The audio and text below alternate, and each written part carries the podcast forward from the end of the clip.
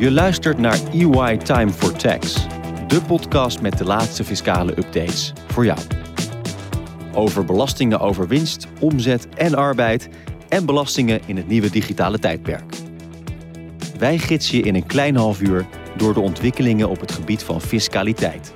Welkom bij Time for Tax. Mijn naam is Linda Herms, partner Business Tax Advisory bij UI. Ik spreek vandaag met Dennis Post. Dennis is specialist op het gebied van tax technology en blockchain. Dennis, welkom. Eerlijk gezegd voor mij een uh, black box. geen, uh, geen makkelijke topic vandaag. Maar daarom denk ik dat het des te belangrijker dat we daar wat aandacht aan gaan besteden in, uh, in Time for Tax. Ja, dankjewel Linda. Ontzettend leuk om hier te zijn. En ja, ik hoop natuurlijk ook vandaag een beetje licht te scheppen in de duisternis van die black box. Dennis, we gaan ongetwijfeld de diepte in op de diverse onderwerpen, inclusief blockchain. Maar voordat we dat gaan doen, vertel eens, wat is het nou precies en wat betekent het voor de fiscaliteit? Ik denk dat je blockchain het beste kan omschrijven als een soort van gedecentraliseerd grootboek, waarbij iedereen de beschikking heeft over dezelfde informatie. En uh, op dat grootboek zien we bijvoorbeeld financiële transacties plaatsvinden, maar dan uh, op een gedecentraliseerde manier. En wat we daarmee bedoelen is dat je anders dan bijvoorbeeld je nu, als, uh, als ik jouw geld wil overmaken, dan gaat dat bijvoorbeeld van mij via de bank naar jou toe. Maar op een gedecentraliseerde manier betekent eigenlijk dat ik rechtstreeks uh, mijn geld overmaak naar jou. Nou, dus stel ik uh, wil in dit geval niet een euro overmaken naar jou, maar bijvoorbeeld een bitcoin.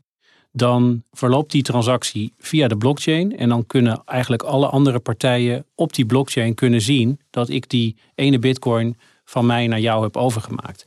En het belangrijkste verschil, denk ik, met ja, zeg maar de gewone wereld zoals wij die gewend zijn, is dat dit op een gedecentraliseerde manier gebeurt. Dus ik maak het rechtstreeks over naar jou zonder tussenkomst van een tussenpersoon. Dus wat blockchain eigenlijk doet, is uh, we noemen dat peer-to-peer. dus dat gaat eigenlijk van mij rechtstreeks naar jou zonder tussenkomst van een, uh, van een intermediary of van een tussenpersoon. En ik denk dat dat een van de belangrijkste kenmerken is uh, van blockchain-technologie. En omdat blockchain dan ook nog eens een keer beveiligd wordt met cryptografie, die ontzettend moeilijk, zo niet onmogelijk te kraken is, creëer je eigenlijk een soort van versie van de waarheid die iedereen kan zien en die eigenlijk voor niemand te veranderen is. Dus de blockchain, alle transacties op de blockchain zijn onveranderbaar. En dat maakt het uiteindelijk natuurlijk ook weer potentieel heel erg interessant voor de fiscaliteit. Want als ik mijn data niet kan veranderen, dan heb ik in één keer een waarheid die ik ook voor de fiscaliteit zou kunnen gebruiken om bijvoorbeeld een robuuster belastingssysteem mee te creëren. Helder, dank voor die toelichting. Uh, het is een, uh, een, thema wat wel al een tijdje bestaat. Eh, de technologie zelf bestaat al een tijdje. Wat zien we op het gebied van blockchain en fiscaliteit nu precies gebeuren? Nou, een hele hoop om daarmee te beginnen. Maar misschien is het wel goed om even te constateren, inderdaad, wat je zegt. Blockchain bestaat al best wel lang. Eigenlijk ja, sinds 2008. En de echte hype kwam in 2016, 17. En je ziet dat blockchain-technologie eigenlijk net zoals heel veel andere technologieën een bepaalde ontwikkeling doormaakt. Eerst is iedereen er helemaal gek van en zegt van dit gaat de wereld veranderen. Uh, en andere mensen zeggen ja, dit is helemaal niks. En dan, uh, nou, dat zag je een beetje in 2017 gebeuren. En toen zag je ontzettend veel cryptomunten opkomen die allemaal, uh, zoals ze zeiden, naar de maan gingen. maar zo langzamerhand kwam er ook een beetje de realiteitszin. dat gebeurde een beetje in 2018, 19. En nu zie je eigenlijk dat dat, nou, zo langzamerhand dat er echt wel wat serieuze applicaties uh, te zien zijn. En uh, dat is allemaal heel logisch verklaarbaar vanuit die technologieontwikkeling. Want ja, ze zeggen wel eens van uh, het gaat langzaam, maar dan plotseling. Hè? Dus, en dat zie je precies ook met deze technologie gebeuren. Juist de afgelopen jaar, anderhalf, zie je ontzettend veel ontwikkelingen. Echte use cases en applicaties op het gebied van blockchain zich manifesteren. En dat zie je eigenlijk ook op het gebied van de fiscaliteit. Uh, dus we zien al best wel wat overheden in de hele wereld die bezig zijn met blockchain. Op het gebied bijvoorbeeld van BTW, op het gebied van douane. Maar je ziet ook best wel wat uh, private partijen, waaronder ook wij als EY, uh, die bezig zijn met het kijken van ja, kunnen we nou blockchain technologie inzetten voor uiteindelijk ja, betere, robuustere belastingssystemen. Kun je dat over vertellen, Dennis? Ik kan me voorstellen dat het wellicht ook voor uh, belastingplichtigen eenvoudiger wordt als overheden blockchain gaan gebruiken. Uh, hoe ziet dat er precies uit? Nou ja, dat is uiteindelijk wel de bedoeling. Kijk, als je kijkt naar de algemene kenmerken van, van blockchain, dan hebben we het over ja, eigenlijk transparantie in, in transacties. Uh, het feit dat je data niet kan veranderen. Meer inzicht in de data. Dat zijn natuurlijk op het oog hele aantrekkelijke kenmerken als je die toepast op de fiscaliteit. Dus vandaar dat ook belastingautoriteiten over de hele wereld wel echt aan het kijken zijn. Wat kunnen we nou echt daadwerkelijk met die technologie?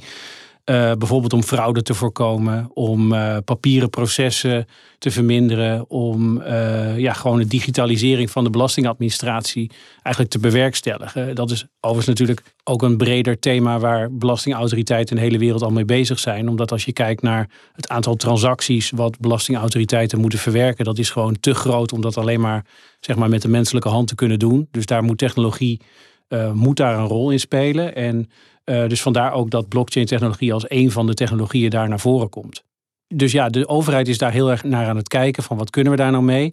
Ik denk dat het ook goed is om te constateren dat we daar nog niet onwijs veel initiatieven zien. En dat heeft denk ik ook een beetje te maken met de ontwikkeling van die technologie, zoals ik dat net schetste. We hadden eerst de hype, nu zo langzamerhand begint men wat serieuzer daarnaar te kijken. We hebben onlangs uh, met de uh, Global Blockchain Business Council, dat is een organisatie waar we als EY ook aan verbonden zijn, hebben een soort van schets gedaan van wat zien we nou eigenlijk uh, gebeuren aan blockchain-initiatieven op het gebied van fiscaliteit en douane. En daar zagen we uiteindelijk iets van uh, eh, 26 projecten hebben we daar geïdentificeerd. Sommige wat vergevorderd dan andere. Maar vooral op het gebied van de transactionele belastingen, zoals eh, BTW, zoals douane, om te kijken van ja, hoe kunnen we dat nou inzetten. En daar zijn best wel wat veelbelovende uitkomsten uit. En, en sommige ook echt wel heel vergevorderd ook. Ja. Als we dan even kijken naar Nederland, de Belastingdienst en de technologie vandaag de dag. Wat denk je, kan de Nederlandse Belastingdienst de transitie maken? Ja, dat is een hele goede vraag. Uh, ik ben daar zelf altijd heel uitgesproken over geweest. Ik heb, uh, ik heb altijd gezegd van nou, neem nou gewoon de meest kleine belasting die er is en begin dat volstrekt te digitaliseren.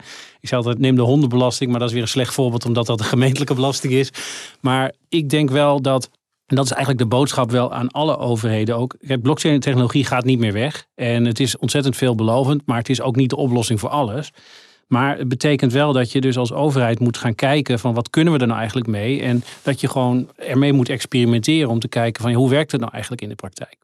Een tweede aspect daarbij is dat het ook, uh, en dat is heel goed om te constateren, wij zeggen altijd, uh, blockchain is een teamsport. Je doet het niet alleen, het is per definitie iets wat je met het ecosysteem doet. Dus je doet dat met een overheid, je doet dat misschien wel met meerdere overheden als we het hebben over nou ja, internationale belastingvraagstukken.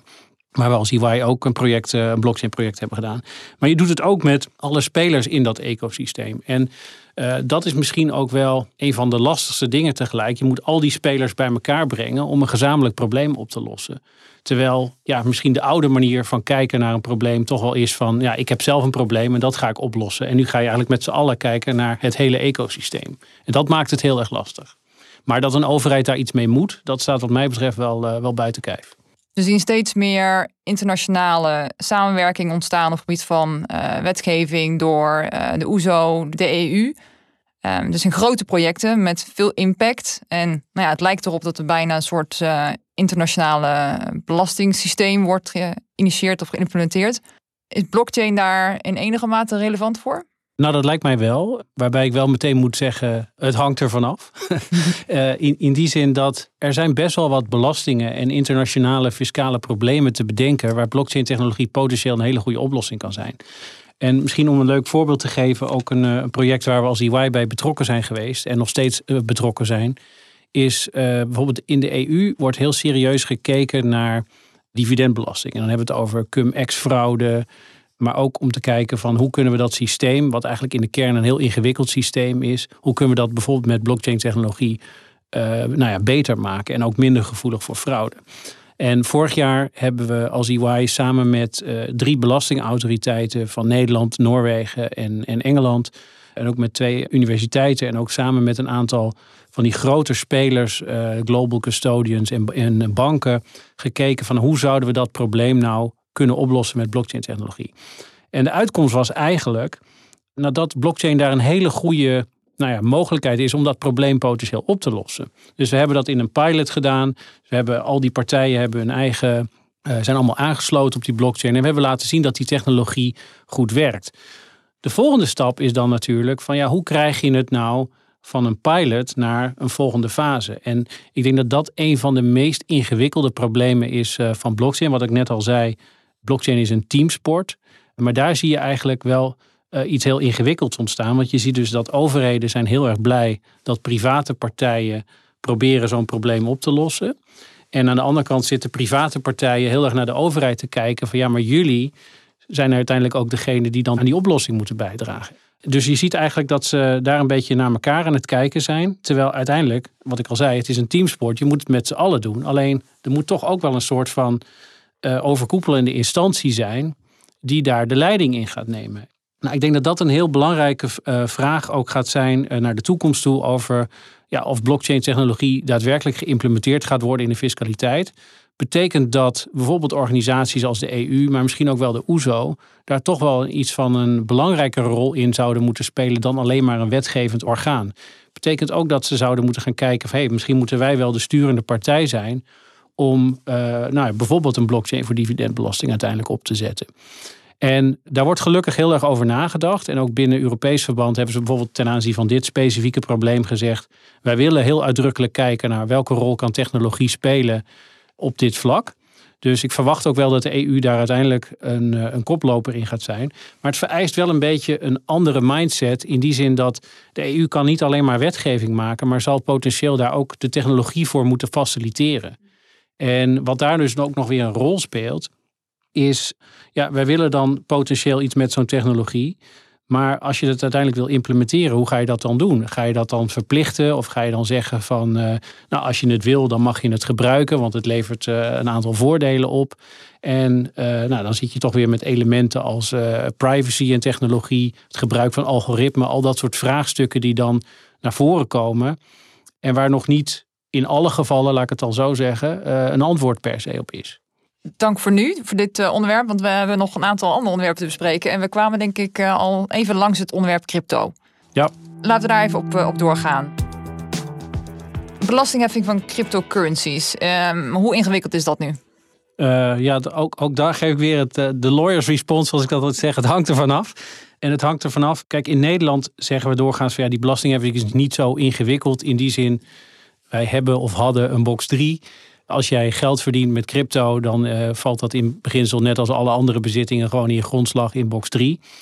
Alleen wat daar eigenlijk uh, doorheen speelt, is dat heel veel andere landen hebben bijvoorbeeld uh, een vermogenswinstbelasting. Dus die zeggen eigenlijk elke transactie die je met crypto doet, het winst of verlies wat ik daarmee behaal, dat is belast of aftrekbaar.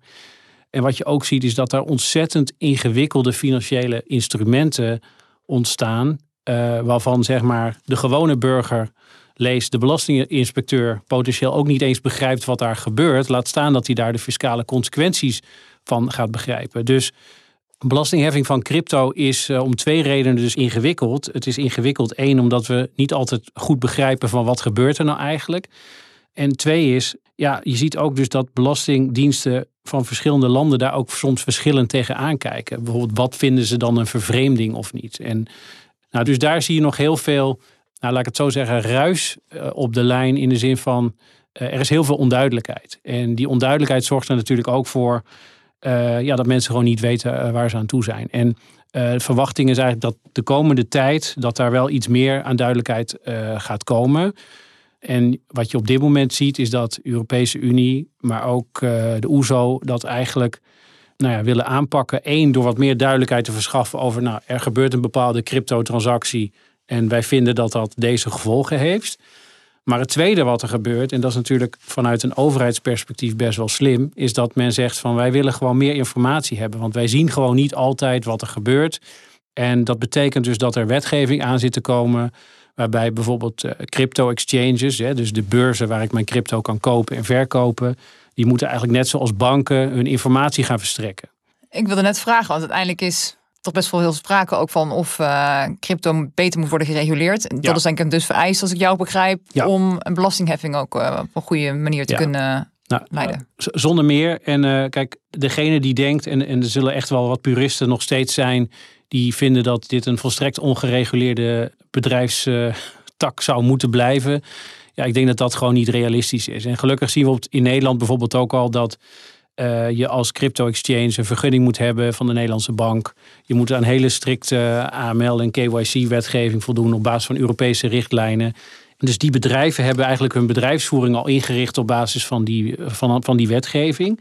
En wat er nu aan zit te komen is dat zij dus ook die informatie over hun klanten moeten gaan verstrekken. Net zoals banken dat nu moeten doen ten aanzien van mijn bankrekening bijvoorbeeld. Moeten die crypto-exchanges dat ook doen. En gelukkig wel gebaseerd op die wetgeving die er al is en zoals zij hun bedrijfsvoering hebben ingericht. Nou, en in dat kader uh, ja, zijn er eigenlijk twee relevante ontwikkelingen. De eerste is, uh, er is recent een uh, rapport verschenen van de OESO, e waarin zij wat zij noemen een Crypto Asset Reporting Framework hebben gelanceerd. En dat is eigenlijk een soort van wetgevend raamwerk op basis van, van ja, welke informatie moeten die exchanges nou eigenlijk verstrekken. wat valt er überhaupt onder een exchange? wie moet rapporteren? Wat moet je dan rapporteren? En dat is eigenlijk iets, wetgeving die potentieel aansluit bij uh, nou ja, de wetgeving zoals ik het net al noemde, zoals die voor banken geldt. Alleen die gaat dan wel gelden voor die crypto-exchanges. En dat zijn doorgaans toch wel wat kleinere partijen dan de banken, die natuurlijk zo'n heel groot ja, apparaat hebben om dat allemaal te regelen. En de verwachting is toch wel dat dat een enorme impact gaat hebben voor dat soort bedrijven. Uh, maar wat ik al zeg, het is enerzijds dus een noodzakelijke stap om te komen tot betere regulering in deze industrie. Want het is de enige manier om te overleven, denk ik zelf. En tegelijkertijd ja, zal het toch wel een enorme last zijn voor die bedrijven om te voldoen aan die wetgeving. Dus dat is uh, het OESO-rapport. En dan het tweede wat er aankomt is, uh, we hebben in Europees verband is er verwachting dat dit jaar er een Europese richtlijn gaat komen, dat DAC 8, die ja, naar verwachting of potentieel ook wel een beetje gestoeld zou zijn op dat Crypto Asset Reporting Framework dat ik net noemde. Waarbij dus in Europees verband al nou ja, ook die rapporteringsverplichting eraan zit te komen. En ja, dat gaat toch best wel wat voeten in aarde hebben in deze industrie.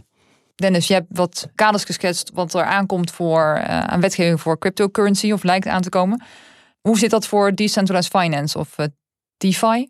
Ja, Nou, dat is een hele goeie. En uh, ja, decentralized finance is eigenlijk dat voorbeeld wat ik net gaf. Hè, waar je dus nu ziet dat partijen met elkaar financiële transacties aangaan zonder de tussenkomst van een bank. Ik denk dat dat de beste manier is om decentralized finance of DeFi te omschrijven. Ik zeg ook wel eens, het zijn een soort van self-driving banks. Dus ik heb eigenlijk de bank niet meer nodig, maar ik kan het zelf doen. Ik kan met jou een financiële transactie aangaan. En dat, dat doe ik dan op de blockchain met behulp van een smart contract. En nu zeg ik het heel eenvoudig, alleen er zijn in die wereld van DeFi zoveel verschillende manieren waarop je transacties met elkaar kan doen. Waarvan ik net al zei, ook die, de complexiteit om eerst te begrijpen van wat gebeurt daar nou. Uh, en dan vervolgens te zeggen, hé, hey, wat is dan de fiscale consequentie daarvan? Heb ik een vervreemdingsmoment voor de fiscaliteit, waardoor ik misschien een winst of een verlies moet aangeven? Uh, dat soort vraagstukken die spelen daar doorheen. En wat daar de laatste tijd een beetje uh, bovenop is gekomen. Dus dat wij voorheen zeiden van belastingheffing van crypto.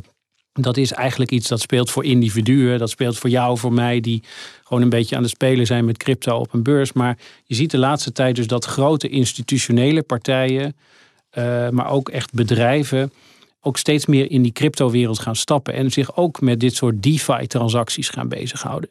En dan wordt het in één keer van een inkomstenbelastingvraagstuk wordt het ook een vennootschapsbelastingvraagstuk. Dus al die vraagstukken omtrent zeg maar, kwalificatie van de transactie, wanneer vindt belastingheffing plaats, wordt in één keer een vennootschapsbelastingvraagstuk. Waarbij dus ook nog eens een keer overheen komt, is dat de Belastingdienst van Engeland daar potentieel anders over denkt dan uh, hoe iets uh, belast moet worden dan de Belastingdienst van Nederland. En daar is dan niet ineens een verdrag die zegt van hé, hey, zo gaan we dat doen. En het is met dat OESO-rapport wat ik net noemde, is natuurlijk wel bedoeld om een soort van ja, uniformiteit te creëren over hoe we tegen bepaalde dingen aankijken. In dit geval toevallig op het verlenen van informatie. Maar op hoe wij aankijken tegen bepaalde transacties en hoe dat belast moet worden. Daar is zoveel onduidelijkheid nog over. En dat wordt dus in één keer een probleem waar bedrijven ook mee te maken gaan krijgen. Want kun je eens een voorbeeld geven van een transactie in DeFi? Uh, ja, uiteraard. Kijk, ik denk dat het bij decentralized finance, zoals ik al zei, vooral gaat om uh, het wegnemen van een tussenpersoon, zoals bijvoorbeeld een bank. En dat kan zijn dat als ik geld wil lenen, in de vorm van crypto, dat wel, dat ik niet per se meer naar een bank hoef, maar dat ik bijvoorbeeld naar jou kan gaan. En dat ik zeg, uh, Linda, leen mij 100 uh, bitcoin. Nou, dat is misschien wat veel, maar leen mij 100 van een bepaalde crypto. En wij leggen die voorwaarden van het contract leggen wij vast in een smart contract. En dat betekent dat voor jou en voor mij 100% duidelijk is wat de voorwaarden zijn waarom wij die transactie aangaan. En dat betekent ook dat ik dus niet langer een, een, bank nodig heb, maar in dit geval gewoon ja, een transactie met jou aan kan gaan. En dat zien we dus op best wel veel plaatsen nu plaatsvinden in die cryptowereld. Dat mensen met elkaar transacties aangaan. Dat mensen bereid zijn hun crypto als onderpand te verlenen voor andere transacties. En zo langzamerhand uh, zien we dus ook dat. Kijk, de banken kijken hier met, met hele grote ogen naar. En natuurlijk, eens, ze zijn bang voor hun eigen rol. Uh, die ze in de toekomst kunnen spelen. Want als dit soort transacties natuurlijk meer en meer gaan plaatsvinden, ja, dan zal de rol van de bank toch een andere worden. En misschien wel een kleinere. En twee, zij kijken natuurlijk ook heel erg naar. Ja, kunnen ze die technologie nou eigenlijk ook zelf inzetten op een manier waarop hun eigen bedrijfsvoering efficiënter wordt? Dus dat zijn eigenlijk denk ik een aantal belangrijke ontwikkelingen op het gebied van decentralized finance. Dennis, laten we doorgaan naar een ander onderwerp. Iets wat ik zelf zeer boeiend vind, maar ik denk wel iets wat ook weer ongrijpbaar is. En dat is denk ik ook de bedoeling. De metaverse. Vertel eens. Wat zijn daar de kansen, fiscale uitdagingen? Uh, ja, dat is een hele goeie. Het grappige is dat ik, nou ja, toen ik een jaar geleden ongeveer begon over metaverse, toen had niemand er nog van gehoord. En uh, inmiddels is het ongeveer het buswoord van het jaar geworden. Ja, en waar het eigenlijk om gaat is een soort van ja, toekomstige versie van het internet. Waarbij je eigenlijk van alles kan doen. Het kan gewoon gaan om samen zijn. Het kan zijn, uh, we, doen, we gaan samen naar een concert in de metaverse. Het kan, uh, we kunnen samen een spel gaan spelen in de metaverse. We kunnen samen gewoon werken, samenwerken in de metaverse. Dus het is een soort van digitale omgeving waarin je met behulp van jouw avatar, dus jouw digitale versie van jezelf, kan rondlopen, transacties kan doen, dingen kan kopen, spelletjes kan doen, maar ook bijvoorbeeld een concert kan volgen. En ja, daar zijn best wel wat uitdagingen vanuit de fiscaliteit voor te bedenken.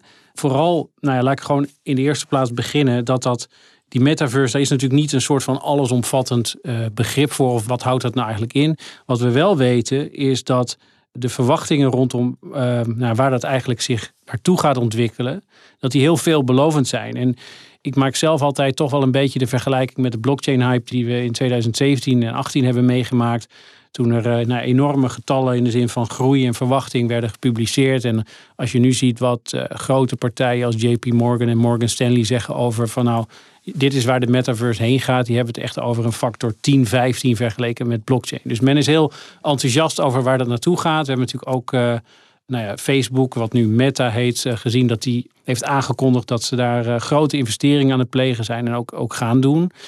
we zien daar heel veel ontwikkelingen in de gamingwereld. En Waar je dus eigenlijk uh, nieuwe spelvormen uh, ziet ontstaan. Waar je ook met crypto geld kan verdienen. En waar je dingen kan kopen. Ik kan bijvoorbeeld een zwaard kopen in, in een spel met crypto. En als ik dan heel goed in dat spel ben, kan ik meer crypto verdienen. Dus er zijn heel veel, laat ik zo zeggen, dimensies van die metaverse die zich aan het ontwikkelen zijn. En tegelijkertijd roept dat dus ook weer wat vraagstukken op van ja, hoe moet ik dan omgaan met de belastingheffing daaromtrent? En dat is, is enerzijds heel ingewikkeld. Maar aan de andere kant is het voor mij ook wel weer een soort van logisch uitvloeisel van de ontwikkeling van blockchain-technologie en crypto. En eigenlijk alles wat je nu ook hoort rondom eh, NFT's, dus non-fungible tokens. Dat zie je daar eigenlijk uh, in samenkomen. En wat ik daarmee bedoel, is eigenlijk het volgende. Uh, het is eigenlijk onderdeel van een veel grotere ontwikkeling, waarbij je ziet dat mensen op een nieuwe manier met elkaar transacties gaan doen. En dat heeft enerzijds te maken met uh, wij betalen straks niet meer in euro, maar je ziet al op veel meer manieren staan dat we gaan betalen in crypto. Je ziet ook dat een tweede ontwikkeling dus is dat we ons nou, zeg maar eigenaarschap van bepaalde zaken, dat die op een andere manier worden weergegeven. En dat gebeurt met non-fungible tokens. Dus non-fungible tokens zijn eigenlijk niks anders dan een soort digitale vertegenwoordiging van eigenaarschap. Nou, decentralized finance hadden we het net al over. Uh, dus dat is eigenlijk de manier waarop je dat eigenaarschap kan financieren. En we zien ook allerlei nieuwe vormen van samenwerking ontstaan. Waarbij je dus gebruik maakt van die technologie. Om op die manier op een efficiëntere en heel andere manier te gaan samenwerken. En als je al die ontwikkelingen bij elkaar neemt, dan die zie je eigenlijk allemaal weer terugkomen in de metaverse. Dus het, dus het is blockchain technologie, het is crypto, het is decentralized finance, het is non-fungible tokens ja, dat zijn best wel veel ingewikkelde onderwerpen bij elkaar. Maar ja, waar dus de uitdaging ligt, is ook opnieuw hier ten eerste. Begrijp maar eens wat er gaande is in die wereld. En ten tweede, ga maar eens nadenken over de fiscale consequenties. Waarbij je dus ook nog in het achterhoofd moet houden van ja, dit is best wel een hele gedecentraliseerde omgeving. Hè, want dat is blockchain per definitie. We hebben niet altijd zicht op wat er gebeurt. En dan moeten we ook nog eens een keer gaan nadenken over hoe we die belastingheffing moeten gaan regelen. Ja, dat, is, uh, dat, dat geeft best wel wat uitdagingen. Ja, ik ben zelf vrij visueel ingesteld. En ik, ik, zie, ik zie dit zo voor me als een, uh, wereld. Um, nou, ik ben ook een gamer, dus ik kan me dat redelijk uh, inbeelden. Dat ik met mijn avatar in een wereld stap. Bijvoorbeeld een heel groot digitaal winkelcentrum. En ik wil daar voor mijn avatar een, uh, een gaaf shirtje kopen van een bepaald kledingmerk. En dat kledingmerk heeft besloten om zich daar ook te vestigen in die digitale wereld. Mm -hmm.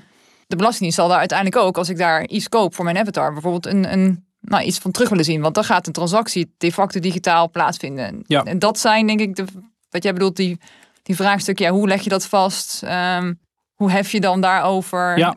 Nee, zonder meer. En, um, dus, dus het kan zijn dat jij inderdaad die digitale kleding betaalt met crypto. Kan ook zijn dat je die vervolgens uh, besluit om die kleding weer aan iemand anders te verkopen. Omdat je bijvoorbeeld een heel uniek customized stuk kleding hebt. Wat iemand anders nog gaver vindt en bereid is daar heel veel geld uh, voor te betalen. En dan, ja, dan verdien je daar geld mee in de metaverse. En dan is dan vervolgens de vraag van ja, hoe gaan we daar nou over uh, belasting over heffen? Ik vind het meest aansprekende voorbeeld zelf wel is, je ziet in heel veel van die spellen, zoals mijn zoon die speelt uh, Fortnite. En dan heb je een, een concert in Fortnite. En dat concert van Ariana Grande was dat laatst. Ja, die wordt door, nou pin me niet vast op de getallen, maar door 70 miljoen mensen wereldwijd bezocht. En die betalen allemaal een bedrag. En dat zijn natuurlijk van die vraagstukken van ja, hoe vindt nou de belastingheffing plaats? Vindt dat nou plaats waar de artiest optreedt? Of vindt er een soort belastingheffing bij de eindgebruiker plaats? En dat zijn natuurlijk vraagstukken die we ook al herkennen hè, vanuit BEPS, vanuit Pillar One, vanuit ja, hoe moeten we nou eigenlijk omgaan met die digitale economie. Maar ik zie ze eigenlijk in de metaverse in vol ornaat weer terugkomen. En op een nog ingewikkelder manier, om het zo maar eens te zeggen. Ja. Ik hoor je diverse malen NFT's noemen. Is dat iets wat echt is? Zijn bedrijven daarmee bezig? Of is dat ook een hype? Allemaal ja. uh, in die zin, het is natuurlijk een enorme hype. En we zagen vorig jaar dat er, uh, ik geloof, 69 miljoen dollar werd betaald voor een NFT. Wat eigenlijk, uh, nou ja, oneerbiedig gezegd, iets is wat iemand gewoon zou kunnen kopiëren en, en nou ja, zou kunnen gebruiken. Maar ik durf wel te zeggen, ja, het is een hype. Maar ja, wat ik nu echt wel zie, is dat er is eigenlijk geen internationaal bedrijf, geen multinational die niet ofwel aan het kijken is naar NFT's, ofwel er al mee bezig is. En dat doen ze bijvoorbeeld om voor hun eigen merkwaarde uh, te vergroten. Dat doen ze bijvoorbeeld om een gemeenschap te creëren, met, uh, waarbij ze bijvoorbeeld ook zeggen van, nou ja, als jij mijn NFT koopt, ik noem maar wat van een sportmerk, dan krijg jij recht op een bepaald exclusief paar schoenen of een hoodie of iets, iets anders. Dus daar zien we enorm veel activiteit. En ja, wat het ingewikkeld maakt, is dat ja, fiscale aspecten van NFT. Er is ook niet een soort één soort NFT. Het hangt er weer heel erg vanaf. Ja, wat voor kenmerken heeft die NFT dan weer? Is het echt alleen iets digitaals of is er ook een recht op een bepaald goed? En dat betekent ook weer dat de fiscale consequenties daarvan ook weer best wel ingewikkeld kunnen zijn. Dat wil zeggen dat uh, als er uh, een merknaam aan verbonden is, dan zitten potentieel bronbelastingen op betalingen vanuit indirecte belastingen. NFT is echt een heel, heel complex onderwerp. En dan hebben we het nog niet eens over juridische aspecten daarvan. Ja, je ziet dus dat ja, het is een hype. Twee, het is denk ik onderdeel van die bredere ontwikkeling, wat ik al zei, van we gaan op een andere manier met elkaar samenwerken. En NFT's, de manier waarop we eigendom vastleggen op een blockchain, dat gaat niet meer weg. Ja, en, dus de, en daar vervolgens dan nog de fiscale consequenties aan verbinden. Ja, dat maakt het gewoon echt wel heel complex. Ontzettend boeiende, maar ook complexe materie. Dus voor onze luisteraars, Dennis, kun jij wat inzicht verschaffen in wat zij nu moeten gaan doen? Ja, dat is een goeie. Uh, nou, ik zou willen zeggen, kijk, en daar begon ik denk ik ook al mee. Kijk, blockchain technologie gaat niet meer weg. Alleen we zullen niet altijd merken dat het blockchain technologie is. Net zoals we nu ook niet meer nadenken over hoe we op het internet eigenlijk uh, met elkaar bezig zijn. Alleen, ja, ik zou willen zeggen, zijn algemeenheid tegen bedrijven, maar ook tegen overheden, tegen de politiek. Omarm de technologie, ga gewoon mee aan de slag. Probeer het te begrijpen. Probeer dat te doen in een gewoon kleine, veilige omgeving. Door een klein experimentje te doen. Ervaar ja, wat de potentiële voordelen kunnen zijn, wat misschien de uitdagingen zijn. En ga daar vanuit verder. Want één ding is zeker, blockchain gaat niet meer weg, crypto gaat niet meer weg. En dat heeft er niks mee te maken of ik dan geloof dat blockchain of bitcoin ooit een miljoen euro of dollar waard gaat zijn. Het gaat veel meer om de technologie. Uh, daar zien we steeds meer toepassingen van ontstaan. En, en dat zal ook relevant zijn voor de fiscaliteit. Dus ik zou zeggen, ik zou iedereen willen uitdagen en uitnodigen vooral ook. Ga ermee aan de slag, ontdek het, omarm het. En dan zul je zien, het is uh, niet alleen complex, maar het is vooral ook heel leuk en uitdagend. Dankjewel Dennis voor je tijd vandaag. Deze podcast is opgenomen in maart 2022. Wij geven hierin onze visie over de ontwikkeling op het gebied van blockchain en belastingheffing. Deze podcast bevat geen advies en u kunt er geen rechten aan ontlenen. Wilt u andere podcasts beluisteren of opinierende blogs lezen van EY-specialisten? Ga naar de website van EY.